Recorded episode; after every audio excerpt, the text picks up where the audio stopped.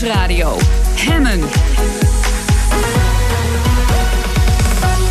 Roelof Hemmen. Welkom bij Hemmen, je dagelijkse deep dive in het nieuws. Na een wekenlange campagne mogen we vandaag stemmen op verkiezingsdag. De scherpe blik van Jack en Frits. Jack de Vries, voormalig spindokter, oud-staatssecretaris van het CDA. En Frits Hoefnagel, voormalig VVD-politicus en communicatiedeskundige. Heren, mooi dat jullie er weer zijn. Welkom. Goedemiddag. De, uh, de democratische plicht gedaan. Jack, keurig op het CDA gestemd? Ik heb uh, zeker keurig op het CDA gestemd uh, vanochtend. En ik durf ook al te bekennen dat ik voorgestemd heb bij het referendum. En uh, Frits, netjes op jezelf? In ik Den dacht, ik dacht dat Jack dat zou doen. Ik dacht dat Jack op mij zou stemmen. In, oh, Haag. teleurgesteld. Sorry dat ik je nu teleurstel. nou, dat is weer een beetje ja, en dan zo onaangekondigd. Nou, de, ik heb blanco gestemd bij het referendum. Blanco. Wat zeg je ja, daarmee? Nou, omdat ik vind namelijk eigenlijk, weet je, aan de ene kant snap ik dat uh, de maatschappij verandert, dus er zijn meer bevoegdheden nodig om uh, uh, dingen te uit te zoeken hè, van al die, al die geheime uh, diensten die dat moeten doen. Aan de andere kant ben ik ook wel heel erg van uh, het feit dat ik niks te verbergen heb, wil nog niet zeggen dat ik vind dat de overheid alles maar uh, mag weten. Vind ik ook helemaal niet nodig. en ik ben eigenlijk principieel tegen referenda. Hmm. Dus toen dacht ik van ja, wat, wat ga ik nou doen? Uh, dat laatste ik, argument kan ik ondersteunen. Maar je ja. had toch gewoon voor moeten stemmen, Frits. Nou ja, dat is het voordeel van liberalen. Die moeten helemaal niks. maar de, maar uh, ik heb lekker blanco gestemd. En ook in de wetenschap oh. dat het uh, referendum in deze vorm in ieder geval wordt afgeschaft. Nou, Geeft mij dat meer een prima dat gevoel. Ik hoorde vanmorgen ook collega's die hadden ook de precies hetzelfde gedaan. Om, om precies dezelfde reden ook. Ja. ja interessant. maar, en daarna heb je op jezelf gestemd? Nee, ik stemde in Amsterdam. Dus ik sta oh, in Den Haag op de lijst, maar oh. ik heb in Amsterdam gestemd op de nummer 13, Klaas Jeroen Terwaal. Hoe kan je nou in Den Haag... Ja, dat heb ik eigenlijk nog nooit afgevraagd. Je woont in Amsterdam en je staat in Den Haag op de lijst. Uh, Oké. Okay. Ja, dat, dat kan. kan alleen als je ergens de raad in wil... Moet je er wel gaan wonen. Dan moet je er wonen. Ah, oké. Okay. Dus je hebt in Amsterdam gestemd op? Op Klaas Jeroen Terwaal, dat is de nummer 13 van de uh, VVD. Oh. Die heb ik vorig jaar nog in het huwelijk gesloten.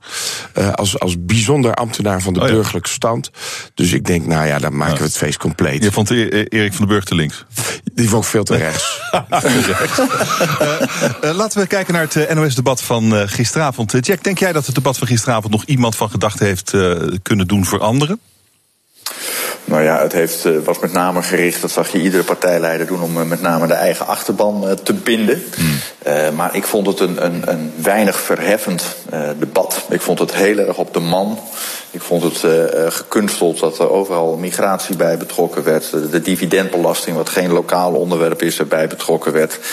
Uh, het, het, was een wat schreeuwerig debat. Uh, dus het zal eerder mensen hebben doen afhaken op de politiek, uh, vrees ik. Nou, bijvoorbeeld dit stukje. Meneer Pechtold, we zitten nu een dag voor de verkiezing... en ik wil eindelijk eens een keer helderheid hebben over dat penthouse van u. Hoe kan dat, dat u dat heeft gekregen? Nee, maar u, ja, ook de publieke ik... omroep werkt eraan mee dat dit verdoezeld wordt. Ho. Ik wil dat u dat nu zegt. Hoe komt het? Ja. Waarom heeft u dat appartement gekregen? Waarom heeft u het niet gemeld? U bent gewoon een ordineerde graaier. U bent net ik zoals, ga nu net ingrijpen. Dat is uh, Wilders. En dan zegt Pechtold dit. Meneer Wilders, u stelde dit allemaal aan de orde... terwijl u hoorde dat meneer Pechtold het slotwoord krijgt. Dat is voor u. Mensen hebben eigenlijk nee, nee, nee, nee. te weten. Laatste woord is voor u. Ik ben blij dat je inderdaad in een vriendschap van meer dan 30 jaar... iemand die op dit moment hoogbejaard is... dat hij niet alleen via een testament, maar ook gewoon iets kan schenken. Penthouse, 50 vierkante meter. Wie doet het hier nou goed? Ik vind, uh, kijk, Wilders die doet het natuurlijk goed voor zijn uh, uh, achterban. Maar het is wel echt onzin. Ik vind dat Pechtold namelijk helemaal gelijk heeft. Van wat is het nou? Wat is het nou? Die man, hij is bevriend en hij geeft, zoals we dat zo mooi noemen, met een warme hand, dus nog mm. bij leven. Uh, dan krijgt hij een, een schenking. Um, wat ik alleen in zijn totaliteit slecht vindt. Wilders kan dit punt nog weer opbrengen, omdat Pechtold er niet eerder gewoon duidelijkheid over heeft uh, gegeven. Dat doet hij nu wel.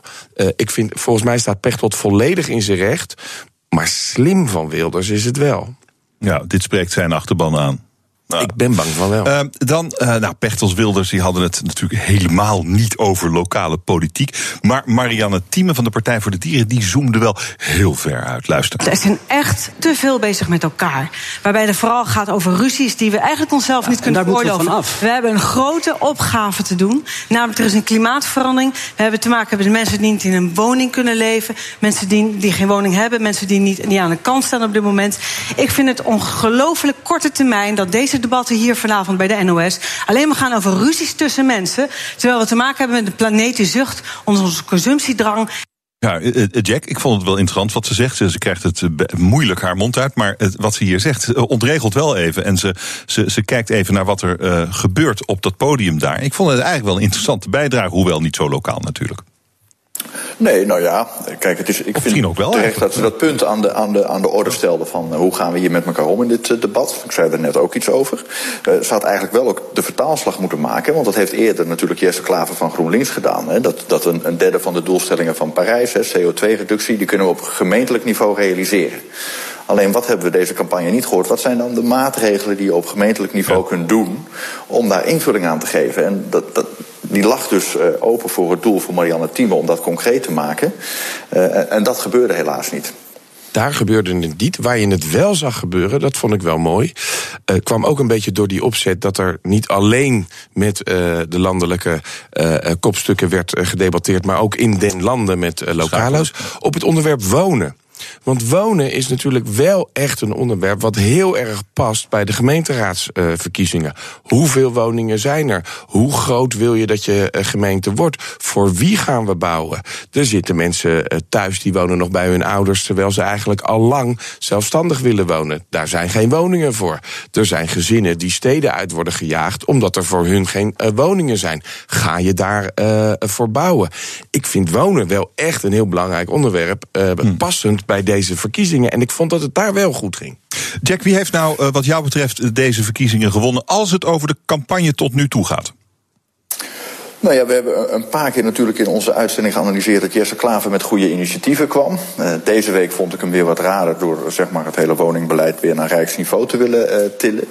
Ik had gisteren in het debat uh, meer van hem verwacht op dat, dat punt. Ook dat hij bijvoorbeeld dat hele thema van die verduurzaming weer had, had gepakt.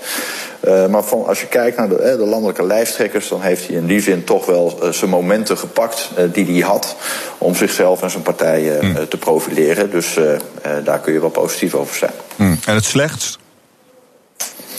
Nou ja, ik, ik, ik vond uh, Wilders hebben eerder geanalyseerd. Die heeft natuurlijk toch kansen laten lopen. Heeft wat onderschat dat Thierry Baudet heel veel uh, publiciteit uh, zou krijgen. Heeft natuurlijk gisteren, wat je er ook van vindt, Uh, en ik vind het vreselijk wat hij allemaal zegt, maar voor zijn eigen achterban uh, wel weer zijn ding uh, gedaan. Maar was voor de rest toch heel onzichtbaar in, in, in deze campagne. Dus die vond ik dan echt wel weer wat minder. Hmm. Frits?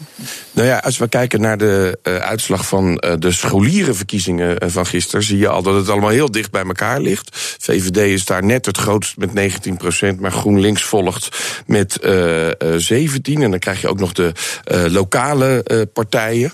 Um, ik denk dat van de, alle partijen die meedoen bij de verkiezingen, de lokale misschien wel het meest hebben uh, gewonnen. Juist doordat die landelijke af en toe de slag niet maakte mm. naar het lokale. En van die uh, mensen die gaan stemmen, en laten we hopen dat dat er meer zijn dan de vorige keer, want toen was het net iets meer dan 50 procent. Maar van die mensen die gaan stemmen, die de moeite nemen, volgens mij zitten die namelijk ook wel heel erg uh, te kijken dan van wat betekent dit voor mij in mijn uh, gemeente. Dus ik denk dat de lokale uh, op winst staan.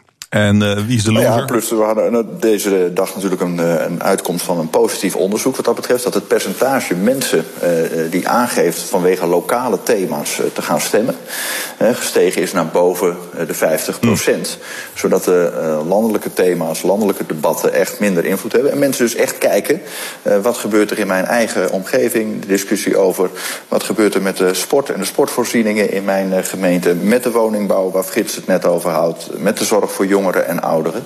En het zou mooi zijn als het inderdaad wat dat betreft ja, echt een lokale uitslag wordt. Ja, wat zou er veranderd zijn? Want vier jaar geleden bleek uit het onderzoek was twee derde van de kiezers nog vooral, uh, liet zich vooral leiden door landelijke politiek. Er is iets veranderd, iets behoorlijks veranderd. Ja, we hebben al eerder geanalyseerd, de gemeente gaat ook over steeds meer dingen ja. die de mensen aangaan. Zeker ook in het hele, hele zorgdomein. Uh, dus in die zin komt de gemeente iets meer uh, op, op de kaart. En eh, misschien hebben we ook wel een positief effect. Er zijn natuurlijk een aantal gemeentes, neem Rotterdam, waarbij ook eh, de lokale discussies ook flink de landelijke media hebben eh, gehaald. Ja, misschien heeft dat dus ook wat meer interesse gewekt van wat gebeurt er eigenlijk Ja. in, in mijn gemeente. Ja, en ik denk dat er, dat er inmiddels voorbeelden zijn van succesvolle lokale partijen. Hè, dus eh, lokale partijen die hun verantwoordelijkheid hebben genomen, die ook in een college zijn gaan zitten. Er zijn ook heel veel voorbeelden van, van lokale partijen die het heel slecht hebben gedaan. Hè. In Den Haag heb je de Haagse Stadspartij, die heeft echt de boel eh, vernacheld.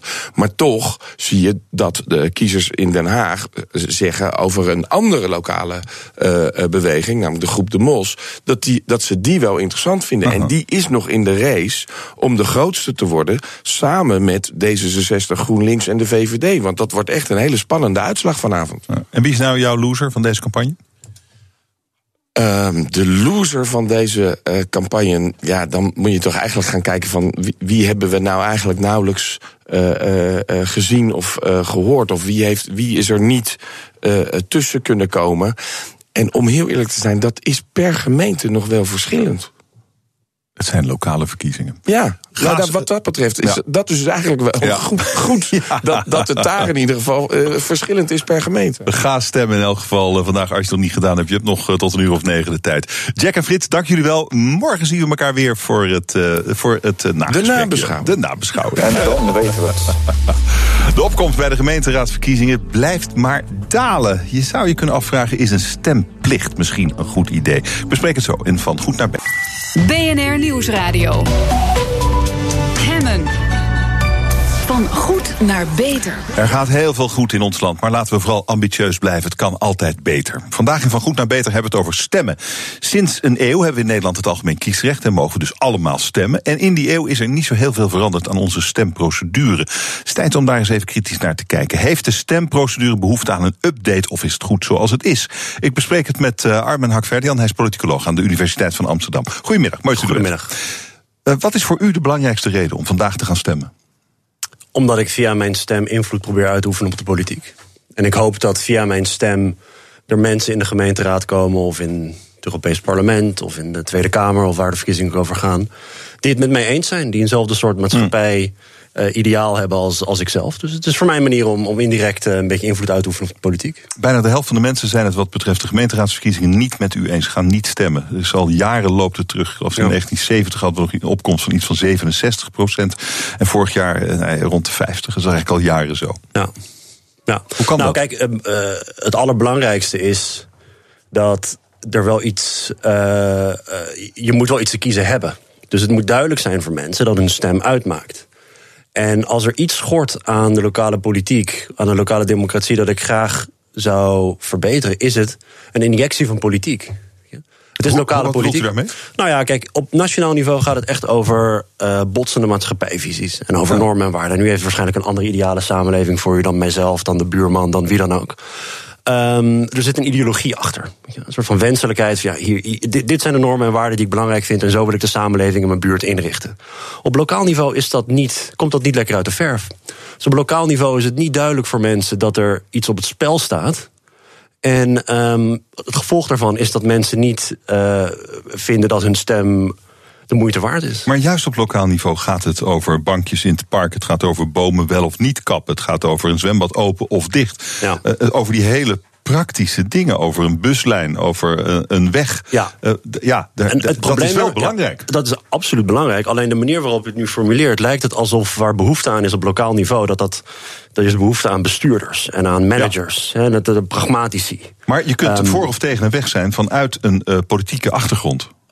Ja, ik, dus Daar ik, is wat de ik politiek, zou, toch? Ja, wat ik zou willen, willen zien op lokaal niveau is dat net als op nationaal niveau duidelijk wordt Hmm. dat er achter die plannen van partijen dat er een maatschappijvisie achter schuil gaat. Dus bijvoorbeeld iets als duurzaamheid bijvoorbeeld, of de manier waarop de woningmarkt wordt ingericht.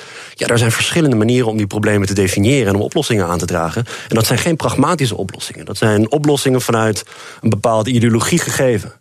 Uh, dat, maar dat schort er al aan op, op lokaal niveau. Dus het is niet duidelijk ja. dat op lokaal niveau, of niet duidelijk genoeg althans, um, dat op lokaal niveau er een consequentie is van bijvoorbeeld een centrum-linkse coalitie of een centrum-rechtse coalitie. Uh, dat, bankje van, dat bankje van u, of die weg die, uh, die aangeharkt moet worden. Um, heb je daar politici voor nodig of, of managers? Nou, weet je, dus het, ja, het moet wel duidelijk zijn dat. Maar hoe breng je dan als lokaal politicus de politiek in de discussie over een weg? Ja, het is, het is, er is geen silver bullet hiervoor. nee, nee, dus, dus wat we proberen te doen natuurlijk, op, op nationaal niveau werkt het eigenlijk vrij goed. Hè? Dus het is duidelijk dat je in Nederland heel veel keuze hebt. Mm. En uh, politieke partijen, burgers weten ook waar politieke partijen voor staan.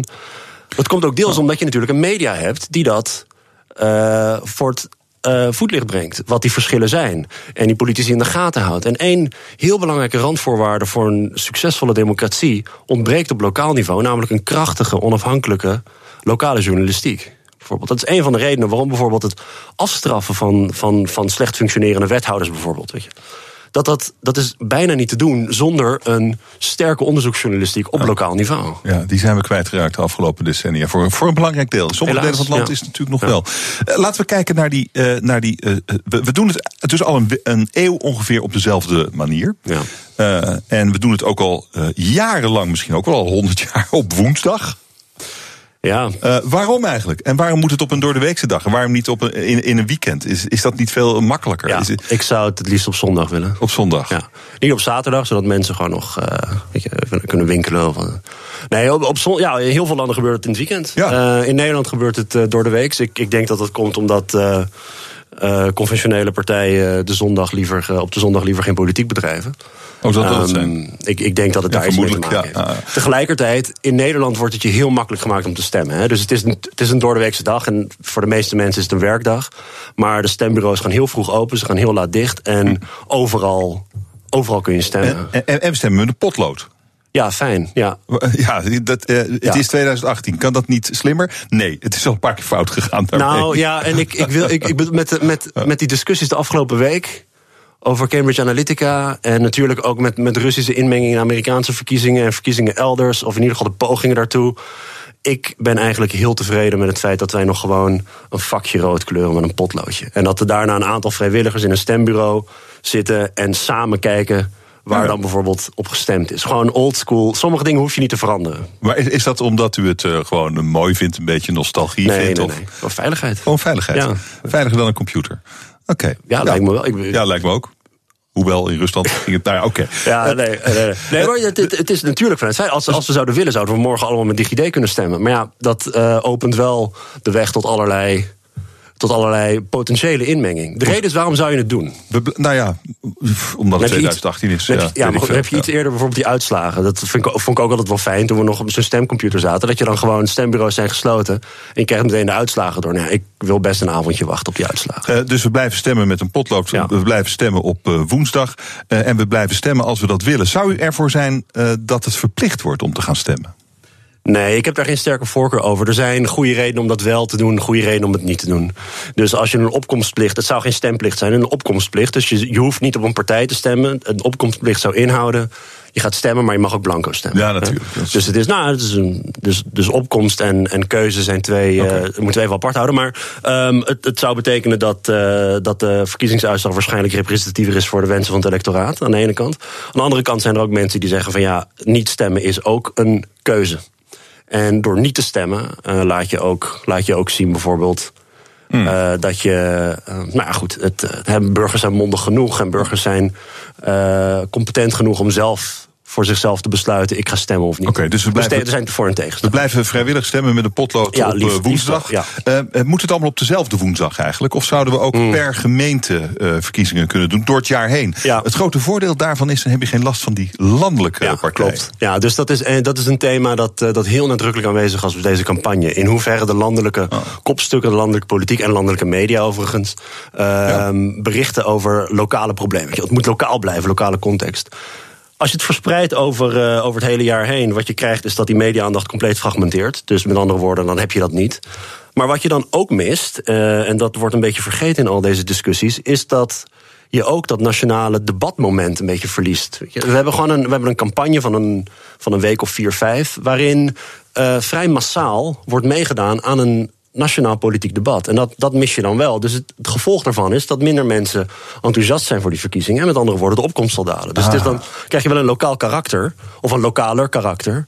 Maar dan moet je ook uh, genoegen nemen met het feit dat die opkomst naar beneden zal gaan. Mm -mm. Die landelijke kopstukken mobiliseren natuurlijk ook. We kunnen op ongelooflijk veel partijen stemmen, deze mm. verkiezingen, in, de, in al die gemeentes. Uh, Hans de Boer van NVNO-NCW zei uh, zojuist op deze zender... Ja. waarom voeren we niet een kiesdrempel in? Ja. Dat we niet zoveel partijen hebben. Ja, dat is typisch de oplossing van een bestuurder. Um, ja, dat was ook zijn argument. Ja, precies. Bestuurbaarheid. Ja. Maar het is allerminst uh, een, het is voor mij allerminst duidelijk dat met een kiesdrempel die bestuurbaarheid beter wordt. Um, wat meneer De Boer misschien uh, zou, zou kunnen doen, is het, uh, is het boek lezen Niet de kiezer is gek van mijn collega Tom van der Meer. Die gaat hier uitdrukkelijk op in. Het probleem is namelijk uh, van de huidige versnippering niet zozeer dat er allerlei kleine partijtjes zijn, maar dat de grote partijen van weleer, dat dat middengrote partijen zijn geworden. Dus er is een soort nivellering van het partijlandschap. En dat haal je echt niet weg met een kiesdrempel van 2 of 3 procent. Ten tweede, die kleine partijen zorgen ervoor dat nieuwe wensen uit het electoraat vertaald worden in, in uh, de Tweede Kamer of in de gemeentepolitiek.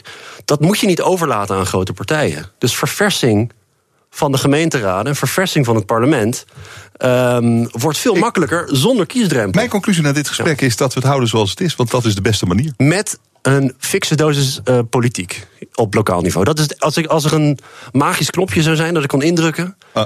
meer politiek en meer discussie over ja, waarden. Uh, Dank u wel Ideologie. Dit, dank u wel voor dit gesprek. Ja. Armen Hakverdian, hij is politicoloog aan de Universiteit van Amsterdam. Dank. BNR Nieuwsradio. Hemmen. Roelof Hemmen.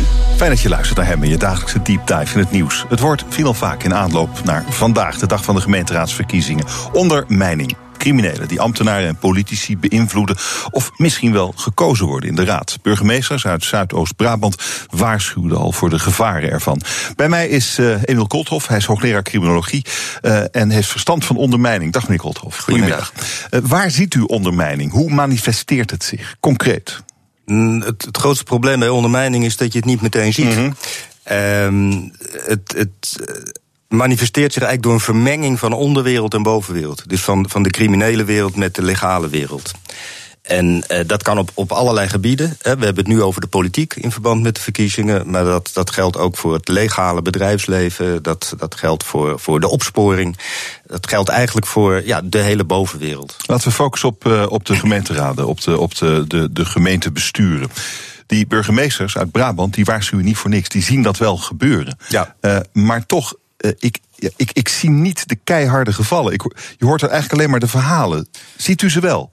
Um, ik, ik zie ze uh, indirect. Uh, we, we zien wel gevalletjes, die komen ook wel in het nieuws. Raadsleden die, die aftreden, die in de media komen in verband met, met drugshandel. die uh, om uh, onverklaarbare reden aftreden. 600 raadsleden zijn, zijn afgetreden in de afgelopen periode. Nou, we weten niet bij allemaal precies waarom dat uh, was. Er zijn burgemeesters die zich zorgen maken over raadsleden in hun eigen gemeente. Maar het is allemaal vrij zacht, dat klopt. Ja, ja. ja, dus, ja want je, ik vraag me ook af hoeveel boeven zouden we vandaag in de gemeenteraden kiezen? Dat risico is er dus. Het, het risico is er theoretisch. Ik denk dat, uh, dat het er niet zoveel zijn. Ik denk ook dat uh, de aandacht die we ervoor gehad hebben de, de afgelopen periode, dat die ook wel tot waakzaamheid heeft geleid. Dus als ze al gekozen worden, uh, dat ze niet zo heel veel kans hebben om, om daadwerkelijk schade aan te richten. Maar het risico is theoretisch aanwezig. Mm, is het eigenlijk niet ook van alle tijden? We hebben het er nu heel veel over gehad de afgelopen maanden. Maar dit, dit was er toch als het er nu is, was het er toch tien jaar geleden ook al? Ja, nou, het hangt er een beetje van af wat je onder ondermijning verstaat. Uh, wat, wat we tien jaar geleden hadden en, en honderd jaar geleden ook al, is, uh, laten we maar zeggen, cliëntelisme. Dat uh, gemeenteraadsleden, dat politici, politici zich voor een karretje laten spannen van vrienden, van bekenden, van zakenrelaties. ze in ruil voor, voor stemmen ehm, ja, een, een bepaalde hmm. bevoorrechte positie geven. Wat er veranderd is de afgelopen jaren, is dat de georganiseerde misdaad zich uh, in Nederland uh, behoorlijk uh, heeft ontwikkeld. Dat is waar ze zich in Brabant vooral zorgen over maken. ja, maar dat is, dat is eigenlijk waar je in heel Nederland zorgen over zou moeten maken. Want het is niet een Brabants probleem. In Brabant is het manifest. Dat komt Voor een deel omdat het eh, specifiek wordt aangepakt. Hè. Er is een taskforce, er is extra geld gegaan naar Brabant. Dus er is heel veel media-aandacht ook. Dus daardoor lijkt het alsof het probleem zich in Brabant uh, manifesteert. Nou, ja, ja, maar we, even Brabant. We hebben, uh, in de krant stond een verhaal, die officier van justitie, Greetje Bos heet ze, mm werkt in Brabant. En zij zegt, dit is een citaat, ik ben geschrokken. Ik vind het hier in Brabant een soort Sodom en Gomorra, als ik het eerlijk moet zeggen. De diepte en de breedte van de vermenging tussen onder- en bovenwereld in Brabant is wel heel fors, zegt een officier van justitie. Ja. Sleep ze voor de rechter dan, die boeven. Ja, nou ja, dat zou je tegen haar moeten zeggen. Ja. maar ja, zo makkelijk is dat dus blijkbaar niet. Nee, dat klopt. En, en uh, bij politici is het natuurlijk uh, een extra probleem. Het zijn volksvertegenwoordigers. Hè. We, we, kiezen ze vandaag. En, en op het moment dat ze gekozen zijn, kan niemand daarmee iets aan doen. Je kan een raadslid niet zomaar uit de raad uh, verwijderen. Mm -hmm. Sterker nog, op het moment dat hij op de kieslijst staat, is je beurt al voorbij, om het zo maar ja. te zeggen. Hè. Het, het is aan de partijen om, om te beslissen of ze wel of niet op de, op de kieslijst komen. Dat is eigenlijk het enige moment dat je kunt voorkomen dat mensen in de raad komen. Mm. Het is, het, is, uh, het is waarschijnlijk niet zo heel ingewikkeld om in een gemeenteraad te komen als je dat graag nee. wil. Hè? We hebben, nee, dat, dat hebben we je, zo geregeld. Als je kunt praten, dan kan je in de gemeenteraad bijna. Als je kunt praten, ja. als je een aardig cv hebt, als ja. je de juiste contacten hebt, als, ja. de, als de spoeling erg dun is in een gemeente, is natuurlijk ook een probleem, hè, dat het moeilijk is om aan goede raadsleden te komen. Dus dan ben je, stel je voor dat je bent een soort stroomman van een criminele groepering. Uh, wat kan je dan doen voor zo'n criminele groepering? Gaat het dan over dingen regelen in de raad of gaat het vooral over informatie? Het gaat vooral over informatie en invloed. Ja, je hebt als raadslid. Uh, je, je, moet het ook niet overdrijven. Het is ook niet zo dat op het moment dat je zo'n stroomman in de raad hebt. dat je vrij spel hebt in een gemeente nee. natuurlijk. Maar een raadslid heeft wel een, een voorsprong op het gebied van informatie. over alles wat er in de gemeente gebeurt. Dus het kan je enorm helpen als je bijvoorbeeld uh, uh, wilt speculeren met uh, grond of met vastgoed of ja. met dat. Je kunt er gewoon echt serieus geld aan verdienen. Maar ja. dan hoef je nog niet per se een drugshandelaar te zijn. Klopt. Of wel? Nee, absoluut. He, dat is voor iedereen interessant. Absoluut, ja. He, dus, dus, maar dan, dan ga je iets verder als je buiten de criminaliteit treedt. Dan hebben we het over de integriteit van het, van mm -hmm. het openbaar bestuur. Nou, daar heeft de minister van Binnenlandse Zaken, ik geloof vandaag of gisteren, in de Volkskrant ook weer het een en ander over gezegd. Maar ook daar laat ze de raadsleden eigenlijk weer buiten schot, omdat dat die volksvertegenwoordigers zijn. He, dus je kunt eisen stellen aan burgemeesters, aan wethouders, maar dat kun je ja. niet aan raadsleden. Nee, nee. Maar. Uh... Ja, oké. Okay. Waarom kun je dat eigenlijk niet aan raadsleden doen, eisen stellen? Nou, het kan wel, maar dan zouden we ons, ons hele staatsbestel moeten veranderen. Hè? En, en, oh. en de wetgeving. Want uh, elke Nederlander heeft het recht uh, om, om gekozen te worden in een uh, vertegenwoordigend ja, ja. orgaan. Dat is ons passief kiesrecht. En op het moment dat, ja, dat de burger een crimineel in de raad wil hebben, dan kan dat. Dan gebeurt dat. Er, er is ja. geen beletsel wettelijk. Nou, een strafblad is ook geen beletsel. Nee, in principe niet. Dus dat kan, maar dan weet je in elk geval waar je mee te maken hebt, zou je kunnen zeggen. Uh, ja, maar dat is dus iets wat die partijen ja. uit moeten zoeken voordat Aha. ze iemand op de lijst zetten. Uh, het, is, uh, het is wel natuurlijk dat je veel beter een wethouder in je zak kan hebben dan een raadslid. Ja, nou en dan is het. Ziet aardige. u dat ook gebeuren? Nou, af en toe hebben we het gezien. Ja, ja, we hebben natuurlijk een, een aantal wethouders uh, gehad die, die voortijdig vertrokken zijn waar mm -hmm. dit soort verdenkingen waren, hè, van corruptie, om het zo maar te zeggen. Uh, er zijn wethouders veroordeeld ook. Hè. In Roermond hebben we een, een, een raadslid die veroordeeld is voor uh, corruptie in hoger beroep. En wederom uh, op, een, ja. op een kieslijst Jos, staat. Jos van Rij ja, u, maar die, is, ook nog, die gaat ook nog tot aan de Hoge Raad door, geloof ik. Ja, absoluut. maar dat is dan allemaal nog een soort, het soort van corruptie dat je ook wel een beetje met vriendjespolitiek zou kunnen ja. benoemen. Het is niet per se dat beeld van die stroomman van echt een hele zware crimineel. Nee, dat klopt. Het zijn kleine scharrelaars. Je kunt dus inderdaad ook zeggen, ja, wat kan zo'n raadslid? Kan, dan, kan dat feitelijk? Oh.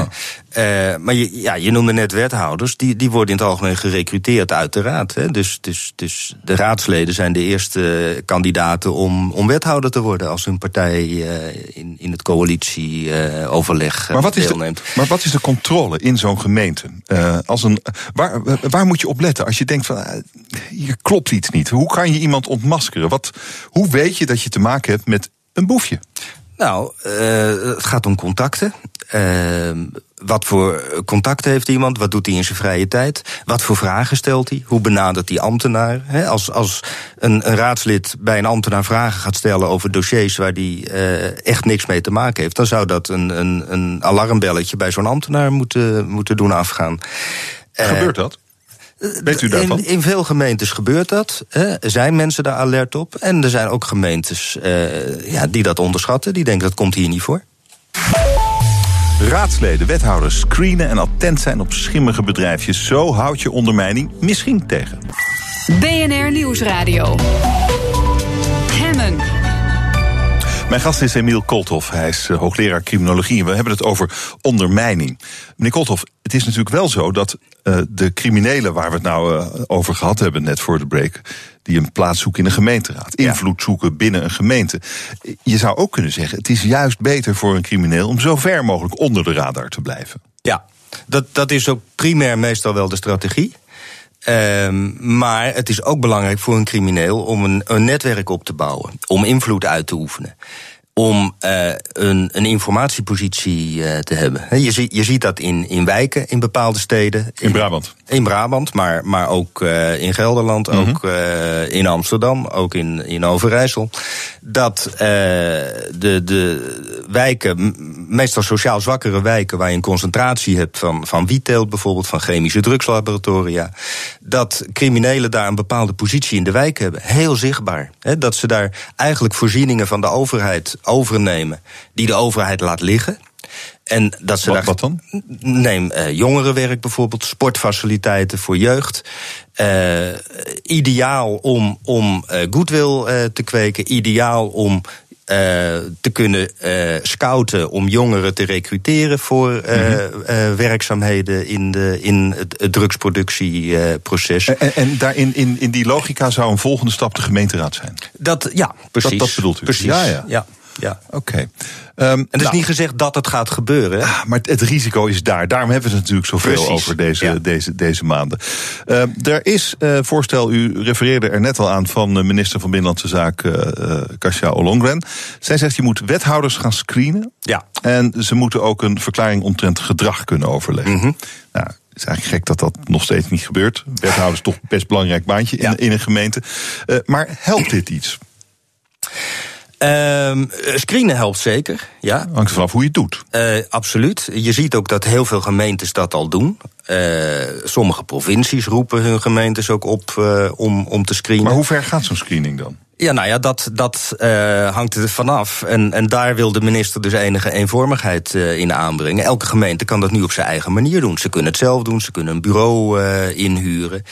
Uh, maar ja, een, een, een, goed begin is te kijken uh, hoe gedraagt iemand zich op sociale media. Wat zijn zijn contacten? Wat is zijn financiële positie? Klopt zijn cv? Zitten daar gaten in? Heeft hij daarover gelogen? Heeft hij een strafblad? Uh, nou, enzovoort, enzovoort. En dat, dat, dat kan een partij krijgen van bijvoorbeeld de politie? Nee, dat kan. Dat moet de gemeente doen, hè? Uh, nee, dat kan een. Dat, dat kan een uh, de gemeente kan opdracht geven. Uh, zoals het op dit moment gebeurt, hè, maar we hebben er dus nog geen wettelijke regeling voor, gebeurt het eigenlijk vrijwillig. Dus op het moment dat iemand kandidaat wethouder is, dan stemt hij in met zo'n screening. En hij heeft er natuurlijk ook alle belang bij uh, ja, dat dat op een goede manier uh, gebeurt. Ah, ja, ah, en als er niks aan de hand is, dat is toch een beetje het idee, ja, dan, dan uh, heeft hij ook geen belang om daar dingen achter te houden. Nee, nee. Dus nou, zo voorkom je in elk geval dat je rotte, de rotte appel binnenhaalt. Zo voorkom je nog niet dat de appel die je binnenhaalt rot wordt tijdens het proces. Nee, dat, nou, dat, dat, dat, is een ander verhaal. En dan hoeft hij nog niet. Ja, rot is, vind ik, een beetje een, een, een lastig woord in dit verband. Want wat je eigenlijk ziet, is dat als het gaat om criminaliteit, dat het vooral gaat om intimidatie en bedreigingen. En dan is de politicus, het raadslid of de wethouder of de burgemeester, is natuurlijk niet zelf rot, maar is slachtoffer van die georganiseerde misdaad. En dat is iets wat, wat een reëel ja, ja. risico is. Daar zien we veel voorbeelden van. Um, en daar kun je je tegen wapen als gemeente. Maar dan moet je het wel serieus maar, nemen. Maar zo'n voorbeeld. Nou, u bedoelt misschien zo'n burgemeester als. Uh, we hadden het, waar was het nou ook alweer? In het zuiden van het land. In Brabant. Een ook, burgemeester ja. die opeens ja. werd tegengehouden door een man met een pistool. Precies, ja. En dat, dat is geen uitzondering meer helaas, maar Nee, dat is aan de orde van de dag. Ja, en dat En- gebeurt ook bij raadsleden en ook bij wethouders. Ja. En is het misschien nog wel belangrijker om dan een soort veiligheidsprocedure daarvoor te creëren? Dat iemand kan ontsnappen aan zoiets? Absoluut, ja. Maar ook dat, die, dat je, dat met hem in gesprek gaat om, om, om eerst eens te kijken waar zitten jouw, jouw risico's, waar zitten Ja. je, je, je zwakheden. En kunnen we die misschien eh, daar barrières voor eh, opwerpen? En als het dan gebeurt, ja, eh, ja dan, dan hangt het natuurlijk helemaal vanaf wat het is en wie het is. Maar je kunt denken aan bescherming, je kunt, je kunt denken aan, aan goede meldprocedures, aan, aan een backup, nou, noem maar op. Het blijft toch een beetje suf, meneer Kolthoff, dat je dat, je met, met, dat je dat met raadsleden dus niet kan doen, zoals u eerder uit. Nou, die bescherming natuurlijk wel. Nee, maar het screenen van raadsleden. Nee, dat kan Kijk, niet. wie haal je in huis? Wie geeft je toegang tot, eh, nou ja, tot gevoelige informatie? Wie geeft je toegang tot het beslissingsproces? Tot ambtenaren? Noem het allemaal maar op. Ja. Dat is toch gek. Dat is aan de ene kant gek, aan de andere kant is dat natuurlijk ook onze democratie.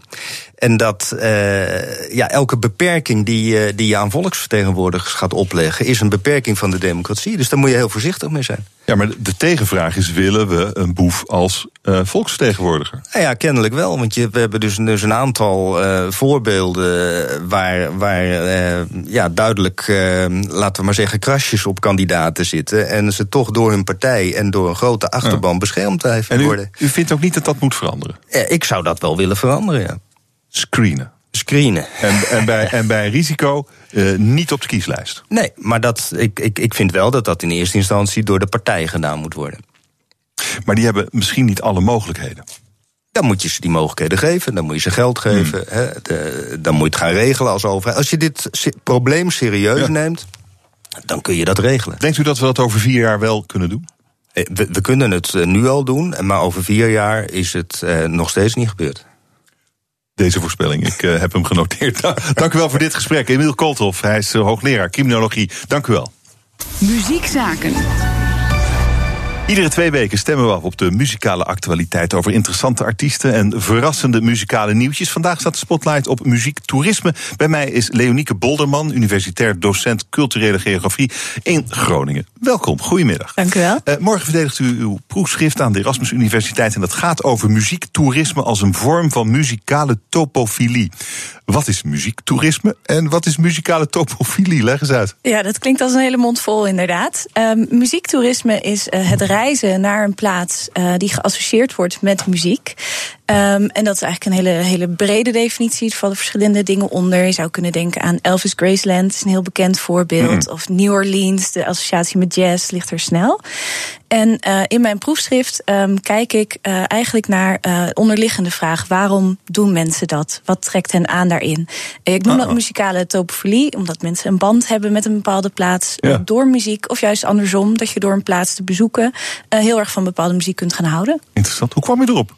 Ehm, eh, ja, het, het project eh, was er eigenlijk net op het moment dat ik eh, eh, eh, ehm, ja, daar ook heel erg naar aan het kijken was. Ik ben zelf geïnteresseerd in muziek. Ik speel zelf ook een muziekinstrument. Ehm, dwarsfluit en piccolo.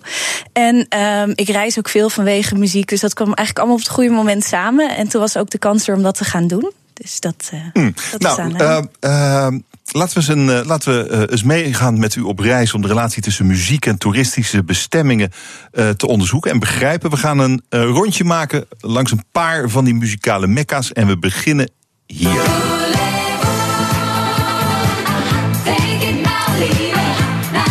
Nou, dit is natuurlijk ABBA, Stockholm. Absoluut. Wat zien we in Stockholm? De, de topofilie van Stockholm en ABBA, wat is die? Ehm, nou, ABBA en Stockholm eh, die hebben eigenlijk een hele innige band. ABBA heeft ook zelf niet heel veel gereisd. Ze zijn vooral in Stockholm gebleven. Eh, en op het moment dat mijn onderzoek begon, ehm, begon daar ook steeds meer aandacht voor te komen in Stockholm zelf. Dus er was een, een groot museum geopend, het ABBA-museum.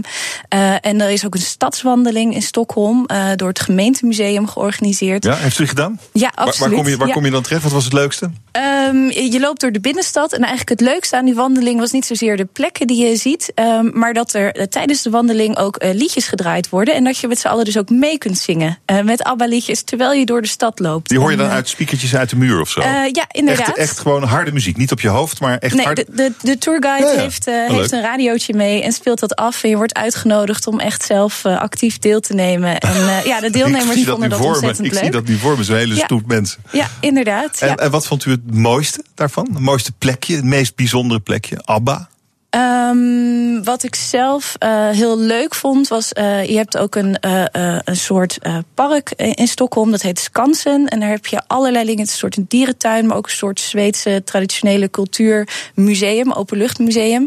En ook daar is een ABBA-plek. En dat verwacht je daar niet. Ehm, maar er is een plek waar een, een albumhoes, de foto daarvoor, ja, gemaakt is. dus dan loop je daar tussen al die Zweedse dingen. En dan kom je toch mensen tegen die daar eigenlijk zijn voor hun ABBA-associatie. De volgende stop is in.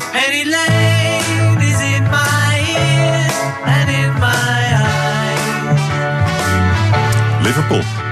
Beatles. Absoluut. Stad van de Beatles, ja. ja. Nou, dat is wel. Uh, daar kan ik er ook zo wel een paar. Die, dat zebrapad en er zijn er nog wel een paar. Maar welke kennen we niet?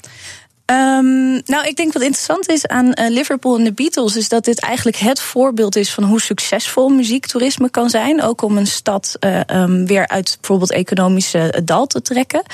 Um, en met Liverpool het is ook grappig dat Zebrapad is niet in Liverpool, dat oh, is in Londen. Londen. Dat zat ik net ja, te denken. Ik dacht, zit ik hier ja. nou mis bij? Ja, ja. zegt Martje Schoenmaker, regisseur. Maar ja. dat, dat, geeft helemaal niks. En wat ook interessant is, is dat Liverpool tegelijkertijd laat zien uh, dat muziektoerisme ook niet altijd positief is. Want Penny Lane, dat, uh, um, ja, dat liedje kennen we allemaal wel. Maar uh, James Penny was een slavenhandelaar. En in Liverpool is dus dezelfde discussie geweest die hier in Nederland ook wel hebt rond namen van straten. Moet dat ja, ja. wel naar mensen uit de geschiedenis zijn die ook niet zulke mooie kanten hebben? En diezelfde discussie was ook rond Penny Lane. Um, en uiteindelijk is besloten van, goh, ja, dit heeft zo'n aantrekkingskracht voor Beatles-toeristen. We kunnen dit niet veranderen. Nee. Dus de straten eromheen zijn wel veranderd. En tegelijkertijd is er een um, afdeling in het gemeentemuseum van Liverpool ingericht en gewijd aan die slavernijgeschiedenis. En dat is daar de oplossing voor geweest. En dan gaan we naar het strand. En dan zitten we hier,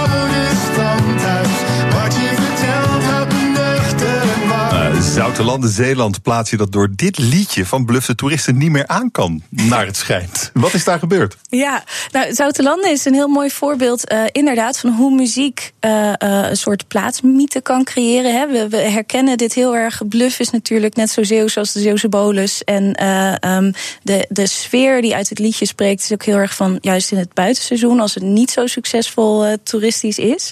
Um, en het leuke aan dit liedje is dat het eigenlijk een cover is van een Duits nummer. Dus het gaat helemaal niet over Zoutelanden of Zeeland of over Nederland. maar het gaat over Frankfurt aan der Oder in Oost-Duitsland. Ja. Oh, um, dus aan de ene kant kan muziek dat heel goed, zo mythe neerzetten. Uh, uh-huh. Aan de andere kant ja, het gaan dezelfde klanken ook over Duitsland. Dus, maar het levert dus wel gewoon uh, de middenstanders in Zoutelanden gewoon echt geld op. Um, nou, op dit moment, Duitsers ik, ik denk Zeeland, dat dat ja. he, door één, liedje. Het is natuurlijk al zelf uh, een heel succesvol uh, uh, toeristische bestemming. Maar je ziet wel dat bijvoorbeeld VVV Zeeland erop inspeelt en erover tweet van: Goh, dit is nu de huidige nummer één nog steeds. wat maakt Zoutelanden nou zo bijzonder? En dan komt daar een lijstje. Dan de laatste bestemming, een muzikale bakermat. I just can't, I just can't, I just can't control my feet. Sunshine, I don't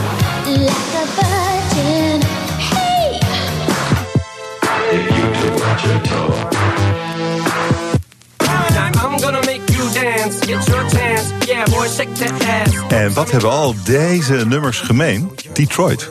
Ja, absoluut. Detroit is een, uh, ja, een ontzettend muzikale stad. En het interessante is dat op dit moment nog wat weinig gebeurt met dat muziektoerisme wat je daar omheen zou kunnen bouwen. Um, dus dat is eigenlijk een hele interessant voorbeeld om te kijken van goh, uh, hè, wat, wat komt er nou van terecht? En kan, kan dat muziektoerisme zo'n stad ook helpen, bijvoorbeeld in uh, ontwikkeling? Ja, nou, Detroit was zeer zwaar getroffen door de crisis. Dus hier zou muziek. Wat, wat kunnen ze doen met muziek daar? Um, wat, wat, je bijvoorbeeld ziet is dat het Motown Museum, wat er is, momenteel erg klein en heeft een enorme uitbreiding aangekondigd. 50 miljoen dollar willen ze erin steken, Zo, okay. met ook het expliciete doel om de buurt te verbeteren. Um, en wat ik wil gaan doen is gaan kijken van, goh, wat komt daar nou van terecht en voor wie, voor welke bevolkingsgroepen? Dat is interessant. En hoe gaat dit verder met dit onderzoek en uh, met uw eigen carrière op het gebied van uh, uh, topofilie en muziek? Ja, um, nou het onderzoek wat ik nu afgerond heb is echt fundamenteel onderzoek. Uh, en um, wat ik zei, ik vind Detroit een ontzettend interessante stad. Dus daar wil ik graag verder naar kijken. Stadsontwikkeling, rol van muziek, muzikaal erfgoed daarin. Hartelijk dank voor dit gesprek in elk geval. Leonieke Bolderman, universi universitair docent culturele geografie in Groningen. En morgen de verdediging van dat proefschrift in Rotterdam. Succes daarmee. Dank. dank Punt. BNR Nieuwsradio. Hemmen. Roelof Hemmen. Fijn dat je luistert naar Hemmen, je dagelijkse deep dive in het nieuws. Campagnes zijn gevoerd, het slotdebat is geweest. De stembureaus zijn nu zo'n vijf en een half uur open. Het is nu aan ons, de stemmers. We gaan terugkijken op de afgelopen maanden. Doe ik met Paul Schnabel. Hij is eh, lid van de Eerste Kamer voor D66. Lijstduwer voor die partij in Zeist. En voormalig directeur van het Sociaal Cultureel Planbureau. Meneer Schnabel, goedemiddag. welkom. Goedemiddag. Eh, u kunt dus vandaag op uzelf stemmen. Heeft u dat ook gedaan?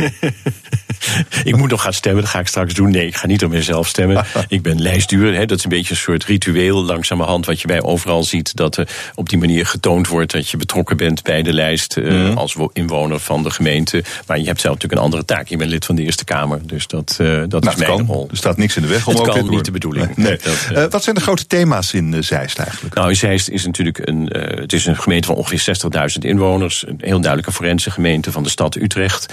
Maar er zitten de klassieke problemen die je eigenlijk nu overal ziet. Eh, hoe houden we het leefklimaat van zo'n forense gemeente heel prettig? Hoe zorg je dat er voldoende huizen zijn? En dat is lastig in Zeist, omdat daar heel veel natuur ook is.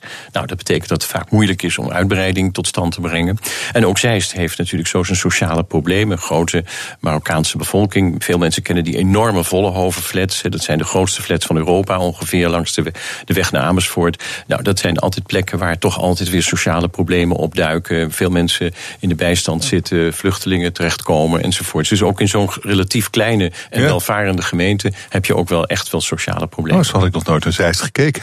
maar Eigenlijk het is- als, het is- als waar alles samenkomt. Er komt toch wel heel wat samen. En, ja. en hoe vindt u dat lokale politici, eh, misschien in Zeist, maar misschien breder, juist die problemen aanpakken? Nou, ik denk dat je, eigenlijk is dat geloof ik ook, en dat hoop ik in ieder geval, wat duidelijk geworden door de vele publiciteit van de afgelopen weken.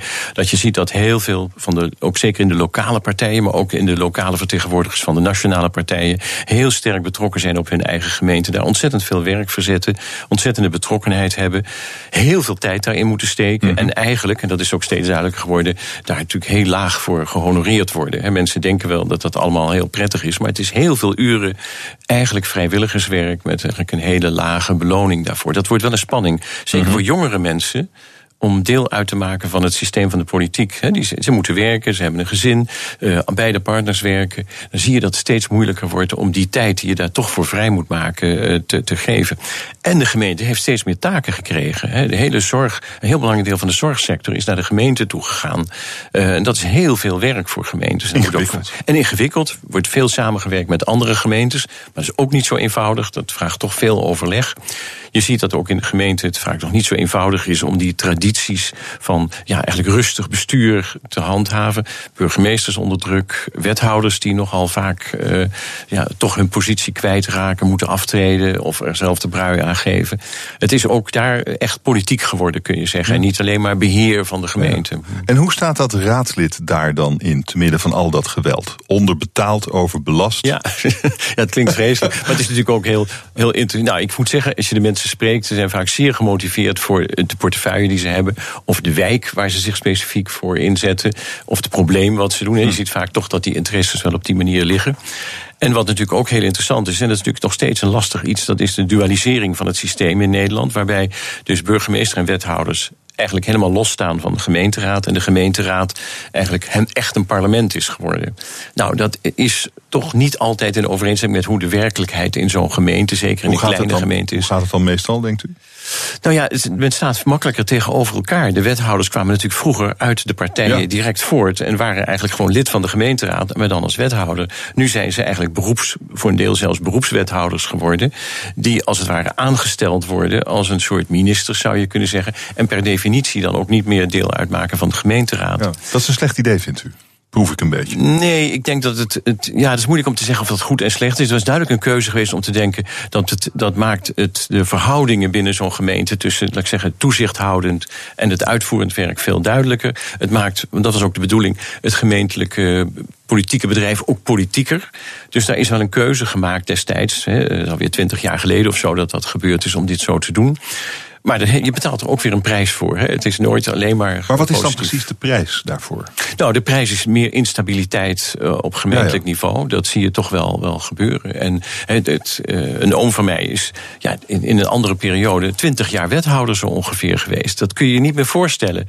En dat was toen eigenlijk heel gewoon eh, dat dat zo was. Hij was echt een bestuurder met ook een hele stevige plek in de gemeenteraad. Je werd natuurlijk per definitie gesteund door je eigen achterban. Er waren ook veel minder partijen toen. hè. Dat is natuurlijk ook in een gemeente als Zeist met 33 raadzetels. heb je eh, drie- negen partijen die dat onder elkaar gaan verdelen. Eh, eh, ervan uitgaande dat de, partijen, de negen partijen die er nu zitten, Allemaal dus ook eh, ja. volgend morgen ook blijken nog weer in de raad te zitten. Ja. Vindt u dat te veel?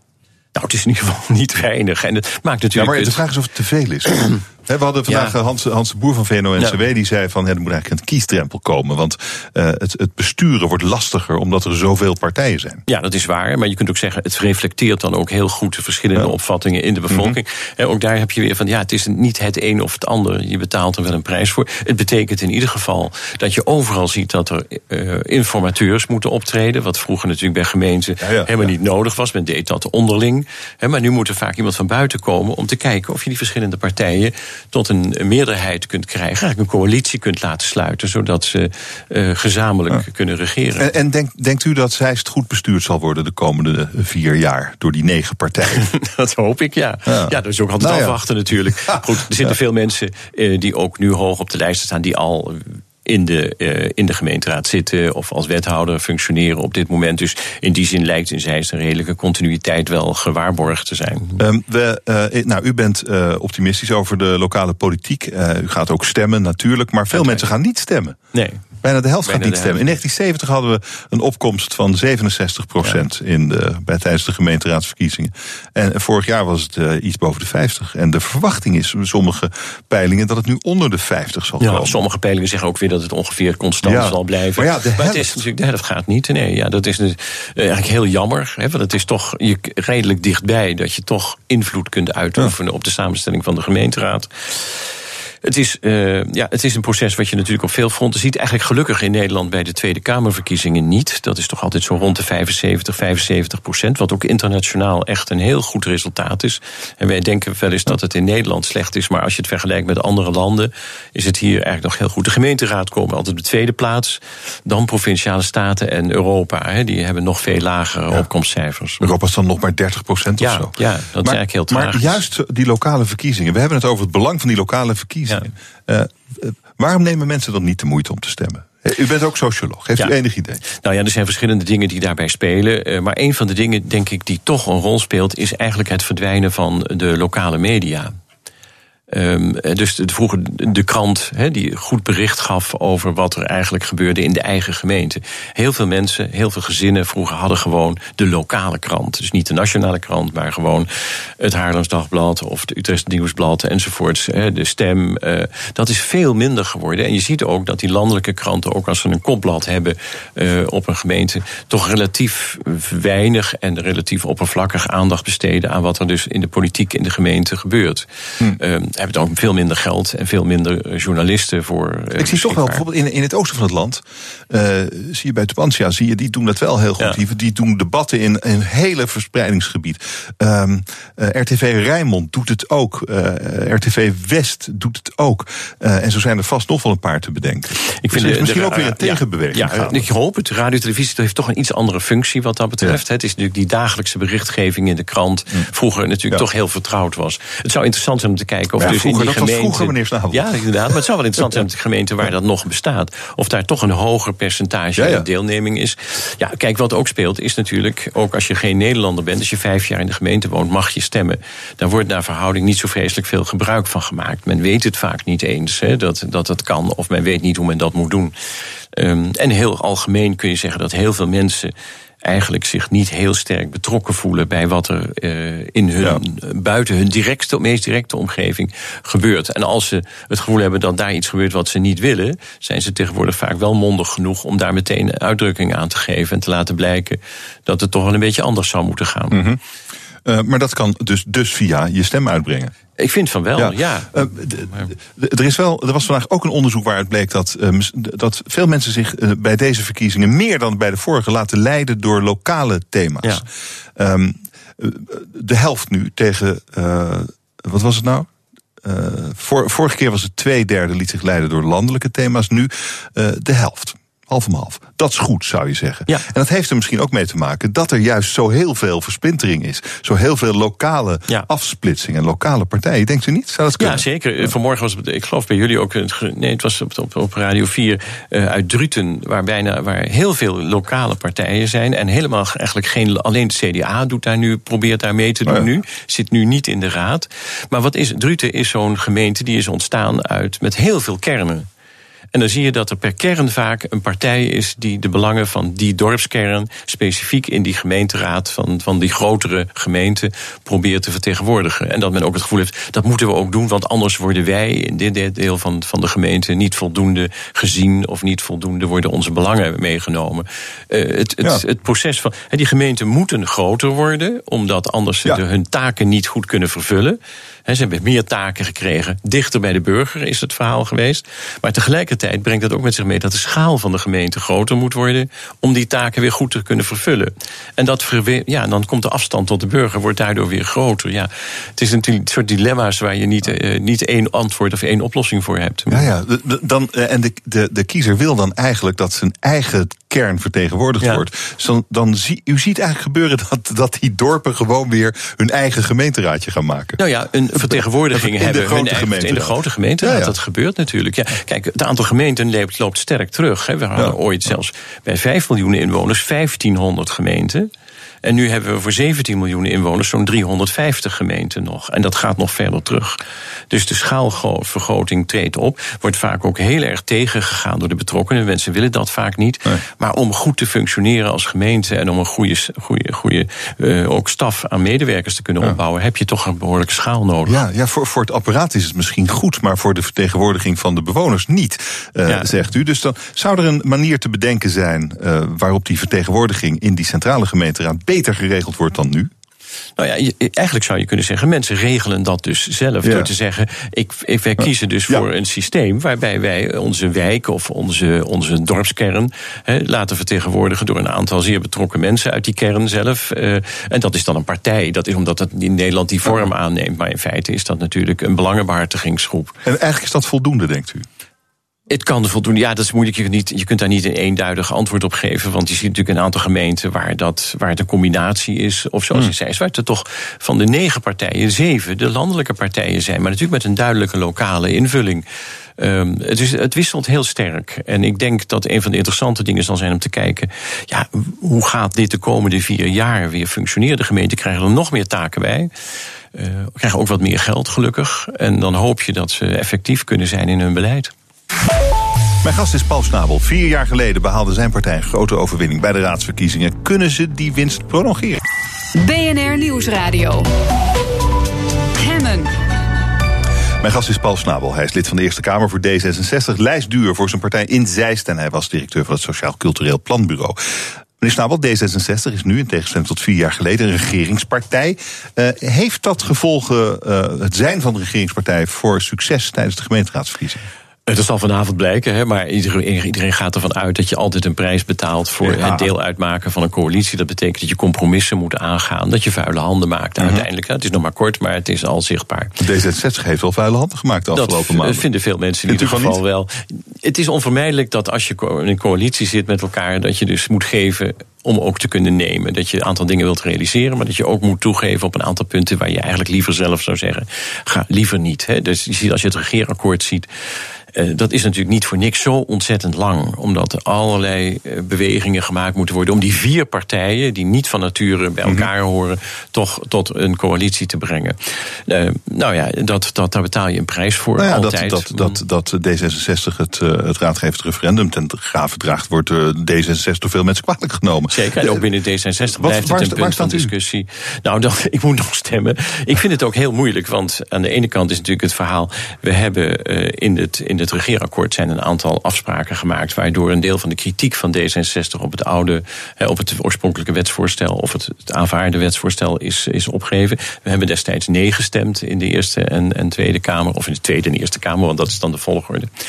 Ehm, ik, vind het, ik vind het heel lastig eh, om daar een keuze in te maken. Dus ik, ik merk, het was heel veel mensen van... je bent nog steeds aan het twijfelen tussen ja en nee. Hè? Dat, eh, daar heeft ook weer de rol van het referendum speelt daar een rol in. Ik heb er echt moeite mee om, eh, laten we zeggen, als een wetgeving al door de Eerste en door de Tweede Kamer is aanvaard. Om dan te zeggen, nou ja, dan gaan we nog eens een keer bij de bevolking te raden of het eigenlijk wel een goed idee is. Als je ziet de complexiteit van dit soort wetgeving en hoe makkelijk dan ja of nee gezegd moet worden, vind ik dat wel lastig. Dus ik heb een probleem met het referendum, überhaupt met het idee van een raadgevend referendum.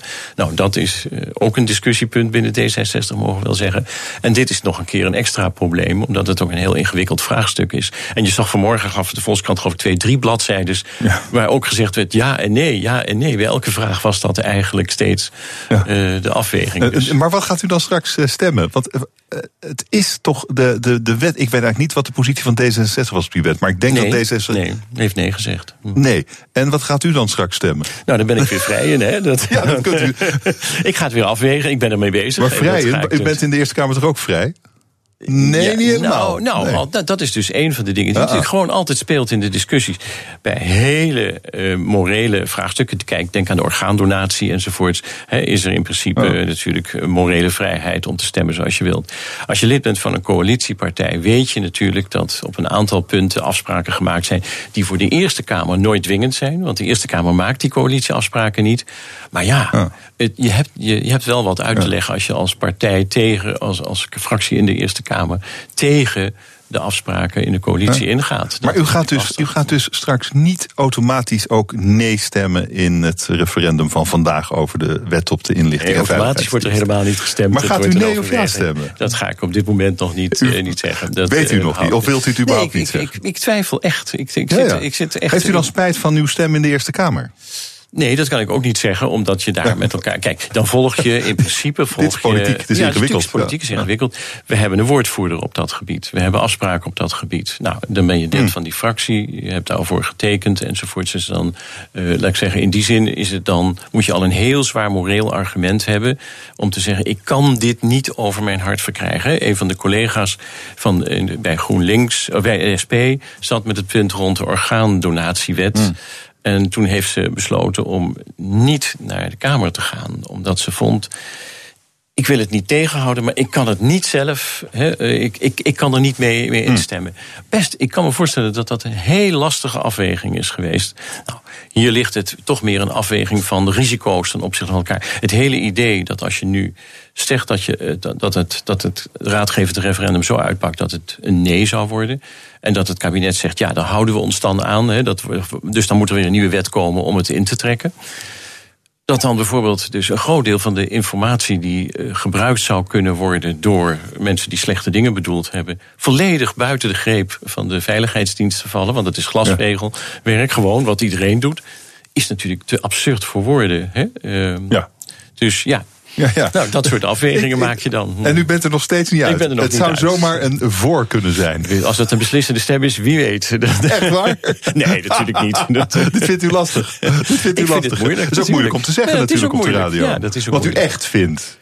Nou ja, omdat je eigenlijk, als ik heel eerlijk ben, je vindt er natuurlijk niet echt iets van. Je merkt dat er zoveel dingen door elkaar heen Hmm. spelen. Het privacy aspect, de lange bewaarperiode. Nederland langer dan in andere landen. Dat zijn dingen die voor D66 heel sterk gespeeld hebben Hmm. in het negatief adviseren over de wet. Het feit dat je een oude wet hebt die helemaal niet meer door, door niemand als het ware gezien wordt als nog een goed alternatief.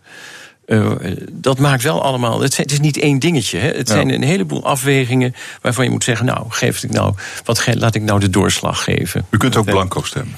Ja, nou wie weet. Er zijn drie opties. Eh, je weet het nooit. Ik, ik ga het voorlopig maar eens even nog afwegen voor mezelf. Eh, maar mijn oorspronkelijke vraag ging eigenlijk over de positie van D66. eh, deze eh, verkiezingen. De peilingen eh, staan ze een beetje achter. Ja, ja, het is natuurlijk, ehm, laat ik zeggen, je hoopt natuurlijk dat de, de positie die eh, D66 met name in de meeste grote steden heeft. En die natuurlijk al, als je dat vergelijkt met waar de partij 10, 12 jaar geleden was, toen Alexander Pechtold aantrad. En toen was de partij bijna aan Drie- het eind. zetels, geloof ik. Nou, zelfs één, zetel, maximaal en zo. En als je dan ziet hoe, hoe dat. Hè, voor een verkiezingsoverwinning. Ik geloof dat er elf op een rij geweest zijn inmiddels in de afgelopen. of negen op een rij in de afgelopen 10, 12 jaar. Daar zit natuurlijk een eind aan. Je weet dat gaat niet eh, eindeloos door. Dat kan ook niet. En dan zie je ook dat natuurlijk dat toch een rol gaat spelen. Dat, eh, dat je deel uitmaakt van een coalitie, in discussie komt. eh, dat er dingen gedaan worden waar niet iedereen voor staat te applaudisseren. Ja, dat, dat gebeurt. Ja, Ik ben benieuwd. Ik, we hopen. De, de, de, dus het lijkt toch wel een, st- een redelijke basis voor de partij inmiddels in de loop van de tijd gegroeid te zijn. Die wat stabieler is dan in het verleden het geval was. Maar je kunt ook van de andere kant bekijken. Eigenlijk zitten, op met uitzondering van de SGP, hebben alle partijen eigenlijk een D66-wereld eh, om zich heen. Eh, dat we zeggen. De uitslagen van de ene- ene verkiezingen hebben geen enkele voorspellende waarde ten aanzien van het aantal zetels wat je bij de volgende verkiezingen zult halen. Hè. In de tijd dat de Katholieke Volkspartij bestond, wisten zij gewoon. We hebben altijd minstens 40 of zelfs 45 zetels en de rest tot 55 zetels ooit in de Eerste Kamer, in de Tweede Kamer. je kunt het je niet meer voorstellen. Dat is dan nog de marge die erin zit. Ook de Partij van de Arbeid heeft heel lang die zekerheid gehad van een, een zwaar, een zeer serieus eh, bestand van zeg maar 30, 40 zetels die je altijd kreeg. Allemaal weg, allemaal weg. Eh, mensen kiezen heel erg ad hoc, heel erg op het moment. En daar spelen sympathieën een rol, spelen eh, voorkeur voor bepaalde personen een rol. Dat is het lot van alle partijen geworden. Dat betekent toch dat je hoopt dat je het succes wat je hebt gehad, dat je dat kunt vasthouden. Maar dat je dat absoluut niet weet. En dat, is, dat zal dus pas vanavond blijken. Bijvoorbeeld wie de, inf- de informateur mag leveren in de grote steden. Hè? Zal het GroenLinks zijn? Zal het, de, eh, zal dat D66 zijn? Zal dat een lokale partij zijn, zelfs hier en daar? Dat weten we dus gewoon nog niet op dit moment. Nou, ik ben eh, benieuwd naar dat moment vanmiddag bij u in het eh, stemhokje. Ja, in daar bent u dus gelukkig niet bij. Dat- Precies, dat is misschien maar goed ook. Dank u wel voor dit gesprek. Paul Snabel, dank u zeer. BNR Nieuwsradio. Hemmen. Roelof Hemmen. Verkiezingsdag zometeen. Kan je kiezen voor de gemeenteraad? Of misschien heb je het al gedaan. Feit is dat veel mensen op dit moment nog zweven. Ik bespreek het in De kantine.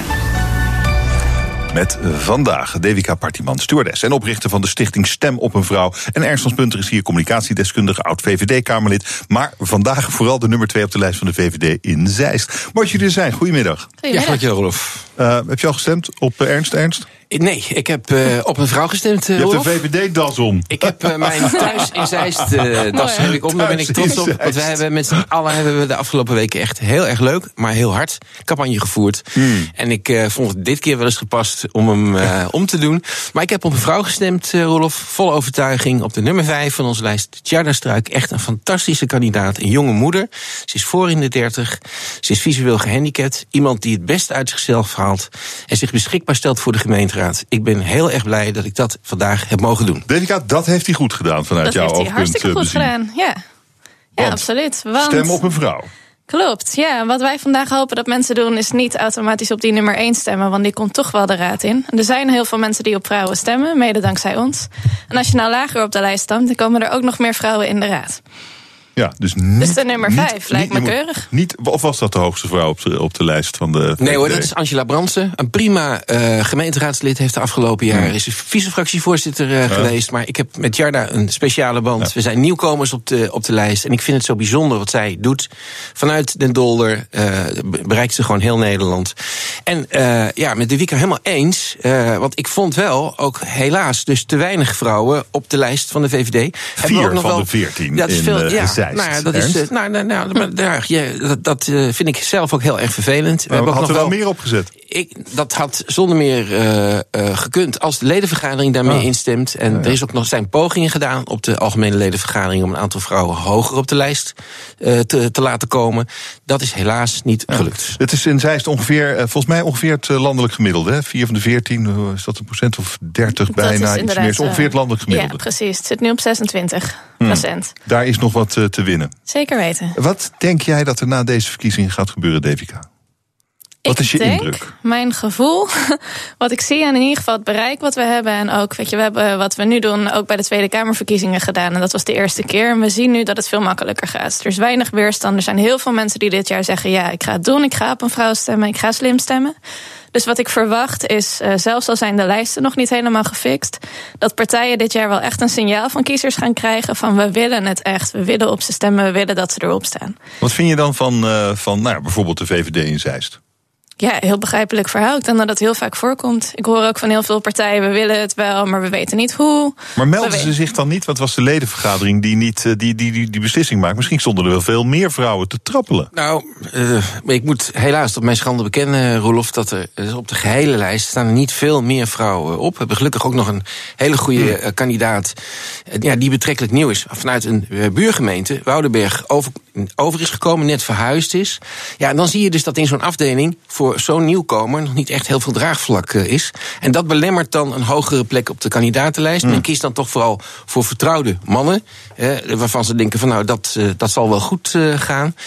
Ja, en gelukkig hebben we ook nog iemand op de ledenvergadering... hebben we beschikbaar gekregen, Evelien Raap... die toch zei op die ledenvergadering... ik kom op de verkiesbare plekken. Die kwam net een plekje hoger. En heeft dus ook helemaal meegedaan in de campagne. Hmm. Dus dat, dat hebben we toch wel voor elkaar gekregen. Maar ik vind het zelf, ik ben zelf ook, uh, toen ik landelijk politiek actief was, hier altijd mee bezig uh, geweest. En ik vind het een erezaak om de komende vier jaar eraan te werken. Om meer vrouwen bij de politiek te betrekken. Want het is om allerlei redenen gewoon prima om dat te doen. Je krijgt ook in zo'n campagnegroep krijg je een totaal andere sfeer. Als het meer 50-50 is. Nou, je, je, je krijgt toch een, een een, andere insteek bij, onderwerp, bij het behandelen van onderwerpen. En ik heb er altijd zeer goed, goed bij. Nou ja, bij de, bij de Tweede Kamerfractie waar ik lid van was, waren behoorlijk wat vrouwen. Dat was bijna 50-50. En ik vind dat altijd beter als het een, als het een, een gelijke verdeling is in zo'n fractie. Uh, want, maar wat deed het dan in die, in die campagnes uh, die je gehad hebt? Nou, alleen al bijvoorbeeld bij het canvassen. Als je, als je dan met een vrouw aanbelt dan krijg je toch een wat andere sfeer als dat er twee ja? van die uh, niet zo bezadigde, uh, oh, oh, okay. beza bezadigde oude mannen uh, aanbellen. je krijgt, het wordt toch iets anders. Ja, ja, ja. Waarom ben jij eigenlijk niet in de politiek? Omdat ik denk dat ik nu even effectiever ben als ik daar nog even mee wacht. Want een stichting kost heel veel tijd. Dus uh, ik wacht het nog even vier jaar af, of drie misschien wel, en uh, ja? ga het dan wel proberen. Dan wil je dat, ja. ja zeker. Of welke partij dan? Dat weet ik nog niet. Weet nee, je nog niet? Dat weet ik Echt nog niet. niet. Nee. Heb je, je hebt geen politieke. Ik heb zeker een politieke voorkeur. Maar geen affiliatie op dit moment. Maar wel een politieke voorkeur. Ja, uh, ik ben vrij links. Uh, het is wel grappig, want er was uh, eerder uh, deze week ook een onderzoek waaruit bleek dat eigenlijk hoe linkser de partijen er meer vrouwen er op de lijst staan. Ja. Um, maar goed, ik ben ook vrij links. Ik stem hier op bij één. Dat heb ik landelijk ook gedaan. Maar op ik heb Sylvana ook heel Simons. veel. ja, op Sylvana. Oh, okay. Maar ik heb ook wel kandidaten zitten waar ik heel graag op zou stemmen bij D66, GroenLinks, PvdA, Piratenpartij. Ja hoor. Maar niet op ernst. Nou, ik, ik woon niet in Zeist. Dus, nee, nee oké, okay, goed, goed antwoord. Ja, ik, ik, moet ook zeggen dat, dat nee, het heel bijzonder zou zijn als er, in zo'n korte, als er in zo'n korte tijd zoiets ontstaan was. En nou, dan zie je ook nog vrij links uh, bent. Maar het is wel een, een probleem bij de VVD. Altijd, uh, ik moet altijd terugdenken aan Frits Bolkestein. Die zei ernst, ze vinden ons te hoekig. Vrouwen vinden ons vaak te hoekig. Te uitgesproken, ja? niet genuanceerd uh, genoeg. Oh. Het is een bekend probleem bij de VVD dat er meer mannen op de VVD stemmen dan vrouwen. en zelfs de komst van Mark Rutte toch een, uh, wat dat betreft een vrouwenmagneet van de eerste orde. heeft er toch niet iets aan kunnen veranderen, volgens mij. Nee, nee. Alhoewel Blijft te hoekig. En wat, ja. wat is definieert te hoekig? Nou, gewoon heel, heel uitgesproken. Vaak ook niet altijd uh, aandacht voor onderwerpen die vrouwen meer uh, op, hoog op hun prioriteitenlijst hebben staan. Ik denk dat mannen misschien iets meer kijken naar bijvoorbeeld de economie, defensie. Vrouwen misschien meer naar onderwerpen als zorg, milieu, dat soort zaken. Hmm. Uh, je merkt ook in de, in, de, in de onderwerpkeuze die kandidaten aangeven dat dat ook wel uh, doorwerkt. Dus dat zou er iets mee te maken kunnen hebben. Ah, oké. Okay. Dus het verschil tussen rechts en links als het om man en vrouw gaat, is, is eigenlijk niet zozeer politiek rechts en links. Het is meer over, ja, vind je defensie interessant of niet? Nou, dat, dat, dat heb, ik, dat heb ik wel vaak gehoord.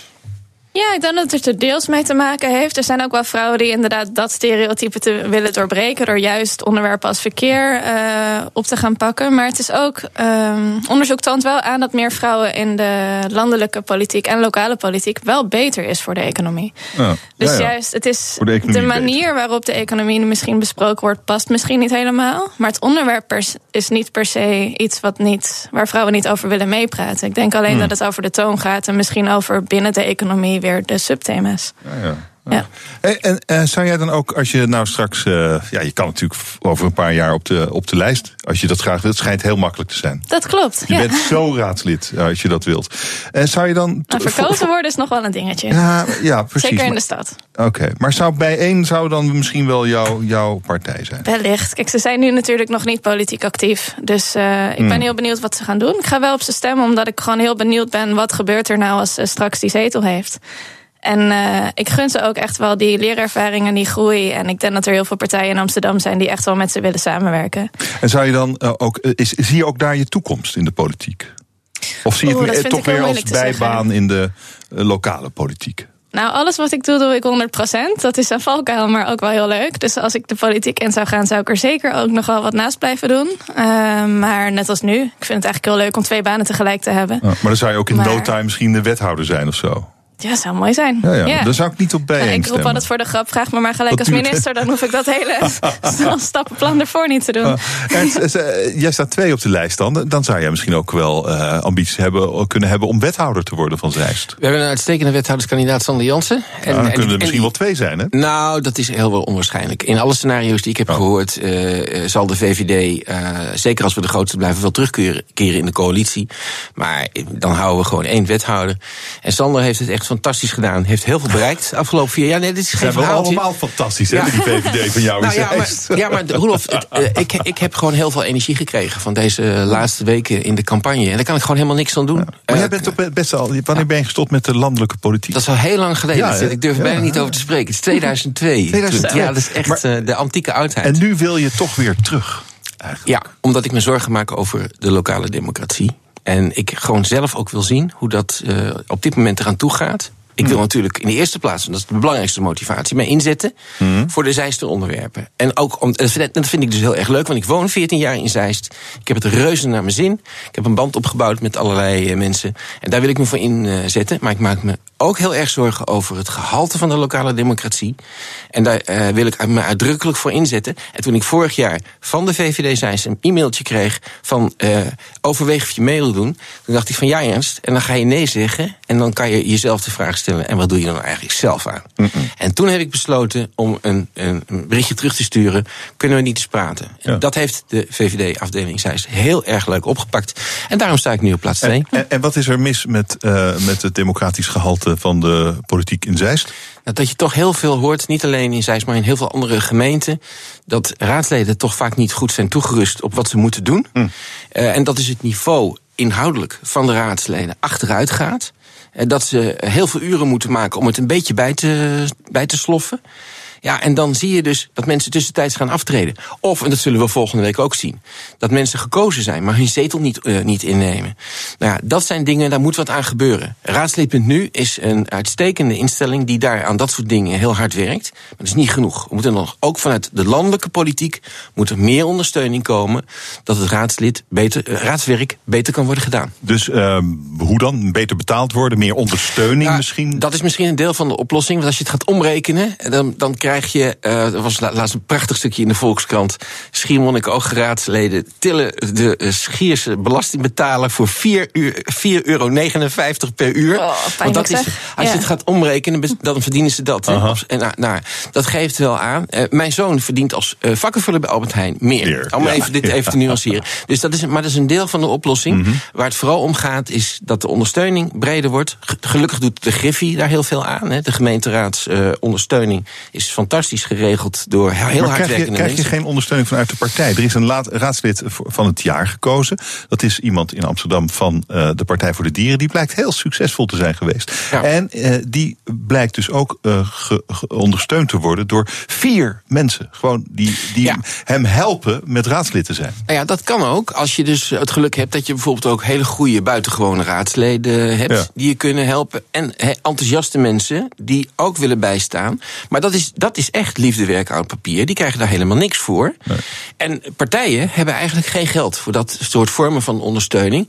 Kijk eens naar Duitsland als voorbeeld. Daar zijn dat soort dingen, omdat de democratie daar na de oorlog zo onder druk stond. En er moest iets gebeuren. In Duitsland zijn dat soort dingen beter voor elkaar. Daar moeten we als Nederland naar kijken. Zometeen, de Amsterdamse brandweer heeft jarenlang met geld gesmeten. Voor 4 miljoen is er misbruik gemaakt van bijvoorbeeld de vroegpensioenregeling. Bespreek het zo in de kant. BNR Nieuwsradio. Je luistert naar de kantine. Het gaat bij ons over het eh, nieuws van de dag. Jurgen Rijman is hier. Eh, ook over de verkiezingen natuurlijk. Wie heb je te gast? Vandaag gaan we het over de lokale partijen hebben. En ik heb onder andere Von Zinken heb ik de gast. Hij is eh, de voorzitter van de Vereniging van Lokale Partijen. We hebben even Henk Westbroek aan de lijn. eh, want hij is natuurlijk een van de lokale helden in Utrecht in de politiek. En we gaan ook met Marcel Bogens praten. Hij is hoogleraar innovatie en lokaal bestuur van de Universiteit Twente. Dus alle vragen over lokale partijen kan je bij ons kwijt. Ja, en er zijn toch wel dingen die, die ik me ook persoonlijk af, eh, afvraag van... eh, hoe zit het nou met die kleine partijen? Die zijn natuurlijk lokaal heel sterk. Die weten precies wat er lokaal gebeuren moet worden. Maar ja, ze missen vaak enige bestuurservaring. Het zijn ook vaak mensen die zeg maar eh, echt alleen gefocust zijn op een paar issues binnen hun gemeente. Dus weet je, hoe hou je dan het brede plaatje in de gaten? Bovendien, ja, eh, het, het is geen vethap wat je krijgt bij die kleine gemeentes als je gemeenteraadslid bent. Dus eh, wat is de motivatie 4,59 hebben we net gehoord. hè? ja, het is, ja. het is echt, het is, het is niet veel. En ehm Von Zinken die beweert ook dat het eigenlijk illegaal is of tegen de grondwet is dat landelijke partijen meedoen met de gemeenteraadsverkiezingen. Dus ik ben heel benieuwd hoe hij dat wil verklaren. Dat is volgens de grondwet moet er ergens een, eh, moet er iets, het moet iets in de grondwet staan waaruit blijkt dat lokale partijen eigenlijk of eh, landelijke partijen niet mee zouden mogen doen met de gemeenteraadsverkiezingen. Oh. Dus eh, dat wordt heel spannend. Dat is even mijn cliffhanger voor, Wow, voor zo meteen. Ja. ja. Nou, dat hebben- het is Straks allemaal voor niks straks geweest. ben je helemaal klaar, ben je helemaal klaar, dan weet je het in elk geval. Ja, maar je vragen kan je allemaal stellen. Heb je ook vragen? Laat het ons even weten via Twitter, BNR. Je mag het natuurlijk doen via Facebook. Je kan ons altijd even WhatsAppen. Het nummer staat op bnr.nl. Of een mailtje sturen naar askme.bnr.nl. Maar het leukste, Roelof. Bellen. Gewoon bellen en niet vanuit je stemhokje, want dat mag niet. Ook een keer foto's maken. Gewoon bellen 020 4684 keer 0. En stel jouw vraag over de lokale partijen live in de uitzending. Jurgen, dankjewel. Veel plezier zometeen. De kantine ziet er gezellig uit vandaag. Oh, fijn, dank je. Is elke dag leuk, man. Ask me anything vanaf eh, twee uur op deze zender. Praat verder in de kantine met Ernst van Splunter, communicatiedeskundige, oud-VVD-Kamerlid en nummer twee op de lijst van de VVD in Zeist en DWK Partiman stewardess, oprichter van de stichting Stem op een Vrouw. Dat is wel een dingetje wat eh, Jurgen daarnet zei. Het, eh, de lokale partijen, vaak one-issue partijen. Eén dingetje. Die, dat ene zwembad moeten komen. Eh, en moet je daarvoor raadslid worden? Vind ik ook wel een vraag.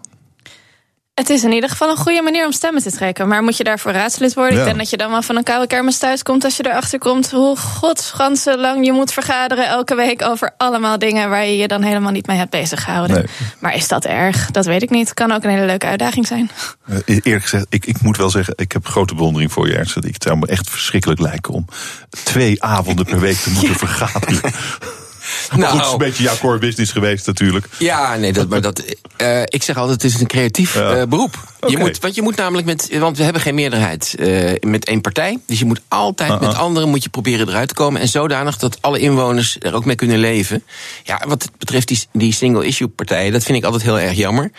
Eh, natuurlijk, eh, hoe dan ook, dat moet de eh, gevestigde orde zich aantrekken. Op het moment dat zo'n partij ontstaat, hebben ze wat laten liggen. Hebben ze dus wat vergeten. Want anders kan zo'n partij nooit in zo'n raad komen of in de Tweede Kamer. En dan, en, en dan moet je jezelf aankijken en dan moet je daar wat mee doen. Maar ja, er wordt een droevig verhaal. Op het moment dat je ook nog erin slaagt als single-issue partij iets wat je dan per se wil, heel snel te realiseren. Ja, dan, zit zit je daar. dus voor Jan Boterletter zit je drie jaar nog in die raad. Ja, dus, en dat wel- kan dus ook niet. En wat ook mist, ik denk dat heel veel mensen überhaupt niet weten hoeveel invloed ze eigenlijk kunnen hebben op die gemeenteraad zonder zich kandidaat te stellen. Je kan elke week inspreken, je kan brieven schrijven, je kan mailen met je raadsleden. De meesten zeggen ja tegen koffie als je dat aanbiedt. Hmm. Het is echt, raadsleden zijn heel benaderbaar.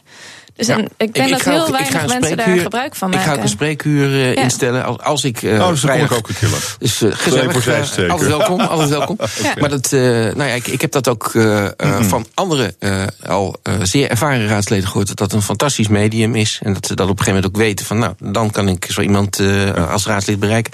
Maar hoe ons aanspreekbaar we zijn, hebben we ook tijdens het canvassen gezien. In gesprek gaan met alle inwoners in allerlei verschillende wijken. En er is zo positief op gereageerd. Heel af en toe, maar dat is echt eh, eh, op de honderd keer eh, misschien vijf keer. eh, dat je eh, iets wat gereserveerd terughoudend is... en in enkel geval een beetje negatief wordt benaderd... maar in bijna alle gevallen zeggen ze wat goed dat jullie dit doen. En wij gaan er ook mee door. Iedere maand gaan we door met canvassen. Goed idee van onze campagneleider, Walter van Dijk, om dat te doen. Ja, jij bent hier ook gewoon echt gewoon campagne aan het voeren nog. hè? Ja. Ik, maar ik vind het ook al zo Nou, gewoon niet op, die man.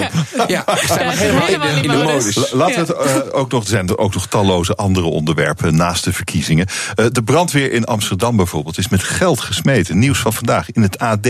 Laatste jaren 4 miljoen uitgegeven aan extraatjes voor het personeel, waaronder de vroegpensioenregeling.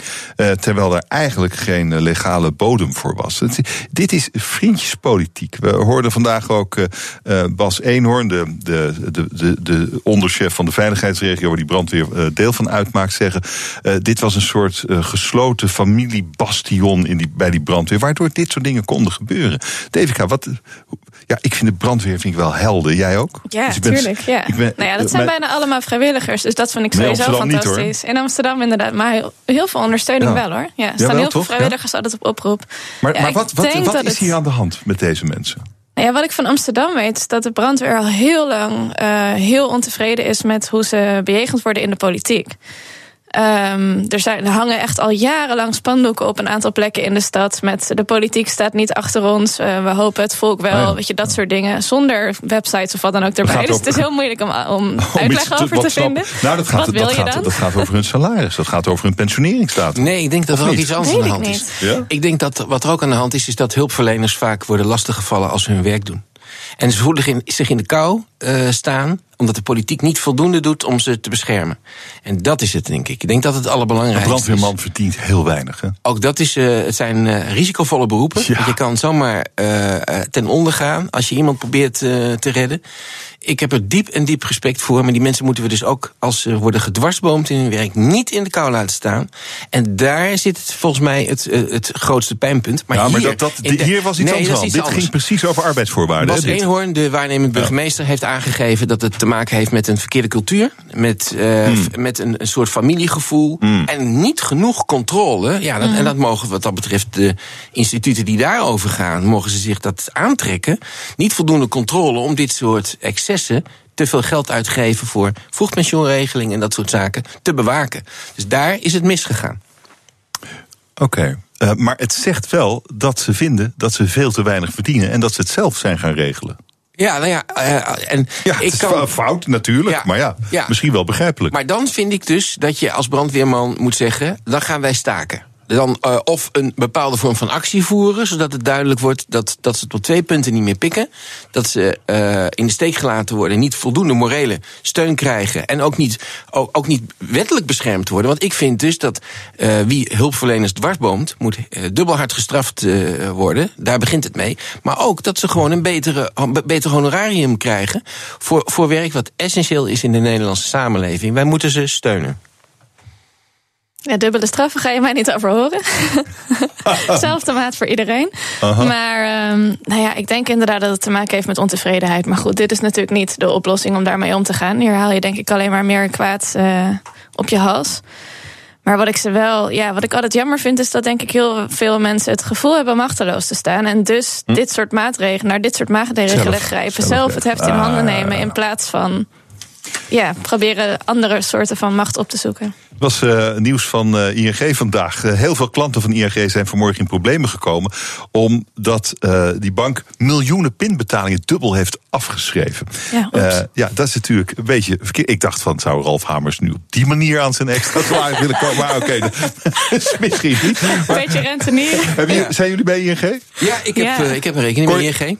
Eh, ik heb even geke- ge- gekeken, omdat ik wist dubbel? dat dit voorbij zou komen. En nee hoor, er is op geen enkele manier dubbel eh, afgeschreven. Maar ja, dit is voor, voor sommige mensen, heb ik begrepen, echt heel erg pijnlijk. Want die kunnen helemaal geen betalingen meer doen. Ja. ja. En eh, ja, Maar als, de je andere limiet, kant... als je je limiet op nul hebt gezet. Ja. En je rekent op je, sa- op je, op Ja, je, dan je salaris- helemaal niks meer. Dan Nee. sta je bij de, bij de eh, kantine in je bedrijf. de, die andere kantine. Met niks. En dan kan je gewoon je boterhammetje niet, eh, niet, eh, niet afrekenen. maar toch? laten Ja. we wel één ding hierbij betrekken. Ik vind een relativering past wel. Omdat je namelijk ontzettend veel gemak hebt van dit soort dingen. je, het elektronisch betalen en allemaal dat soort dingen. Ja, en hoe vaak komt dit nu voor? Toch ook weer niet zo heel erg vaak. Niet heel vaak. En, en uh, ja, dat heeft dus de keerzijde dat je dit soort dingen ineens kan krijgen. En dat, ja, hoe vervelend het ook is. eh, De ING reageert volgens mij goed. Ze hebben al aangegeven, er wordt geen rente betaald over roodstand op dit moment, allemaal dat soort dingen. Dus ik heb het idee dat ze, ze- reageren snel en ze doen het adequaat. Eh, maar ja, als je dit soort dingen iedere dag kan gebruiken. En, nou ja, nogmaals. is de prijs dan? eh, Ik kan alleen maar zeggen, het gaat eh, zo ontzettend vaak goed. Ja, dan krijg je dit ook een Ze hebben ook gezegd dat ze terug gaan storten. Hè? Maar dat kan wel een paar dagen duren. Ja, en dat. Ja, en, en, Ja, en dat daar, vind ik dan weer stom. nou daar moeten ze toch nu kijken. Want eh, we schieten na- eh, mensen naar de maan en allemaal dat soort dingen. Dan moet je toch ook in staat zijn om voor die mensen even een eh, voorziening te treffen. Dat, en die uitdaging moeten ze denk ik nu vol aangaan. Ik wens jullie nog een mooie verkiezingsdag. En dank voor jullie komst naar de kantine. DWK Partiman, stewardess, oprichter van de stichting Stem op een Vrouw. En Ernst van Spunter, hij is communicatiedeskundige, oud-VVD-Kamerlid. En nu vooral twee op de lijst van de VVD. Zij wens je veel succes. Eh, hartelijk dank allebei. Dit was het eh, voor vandaag. Morgen ben ik er natuurlijk weer met je dagelijkse deep dive in het nieuws. Dan is Aleid Wolfsen mijn gast, voorzitter van de autoriteit persoonsgegeving. Dat morgen. Nu eerst Jurgen Ruijman met Ask Me Anything. Dag.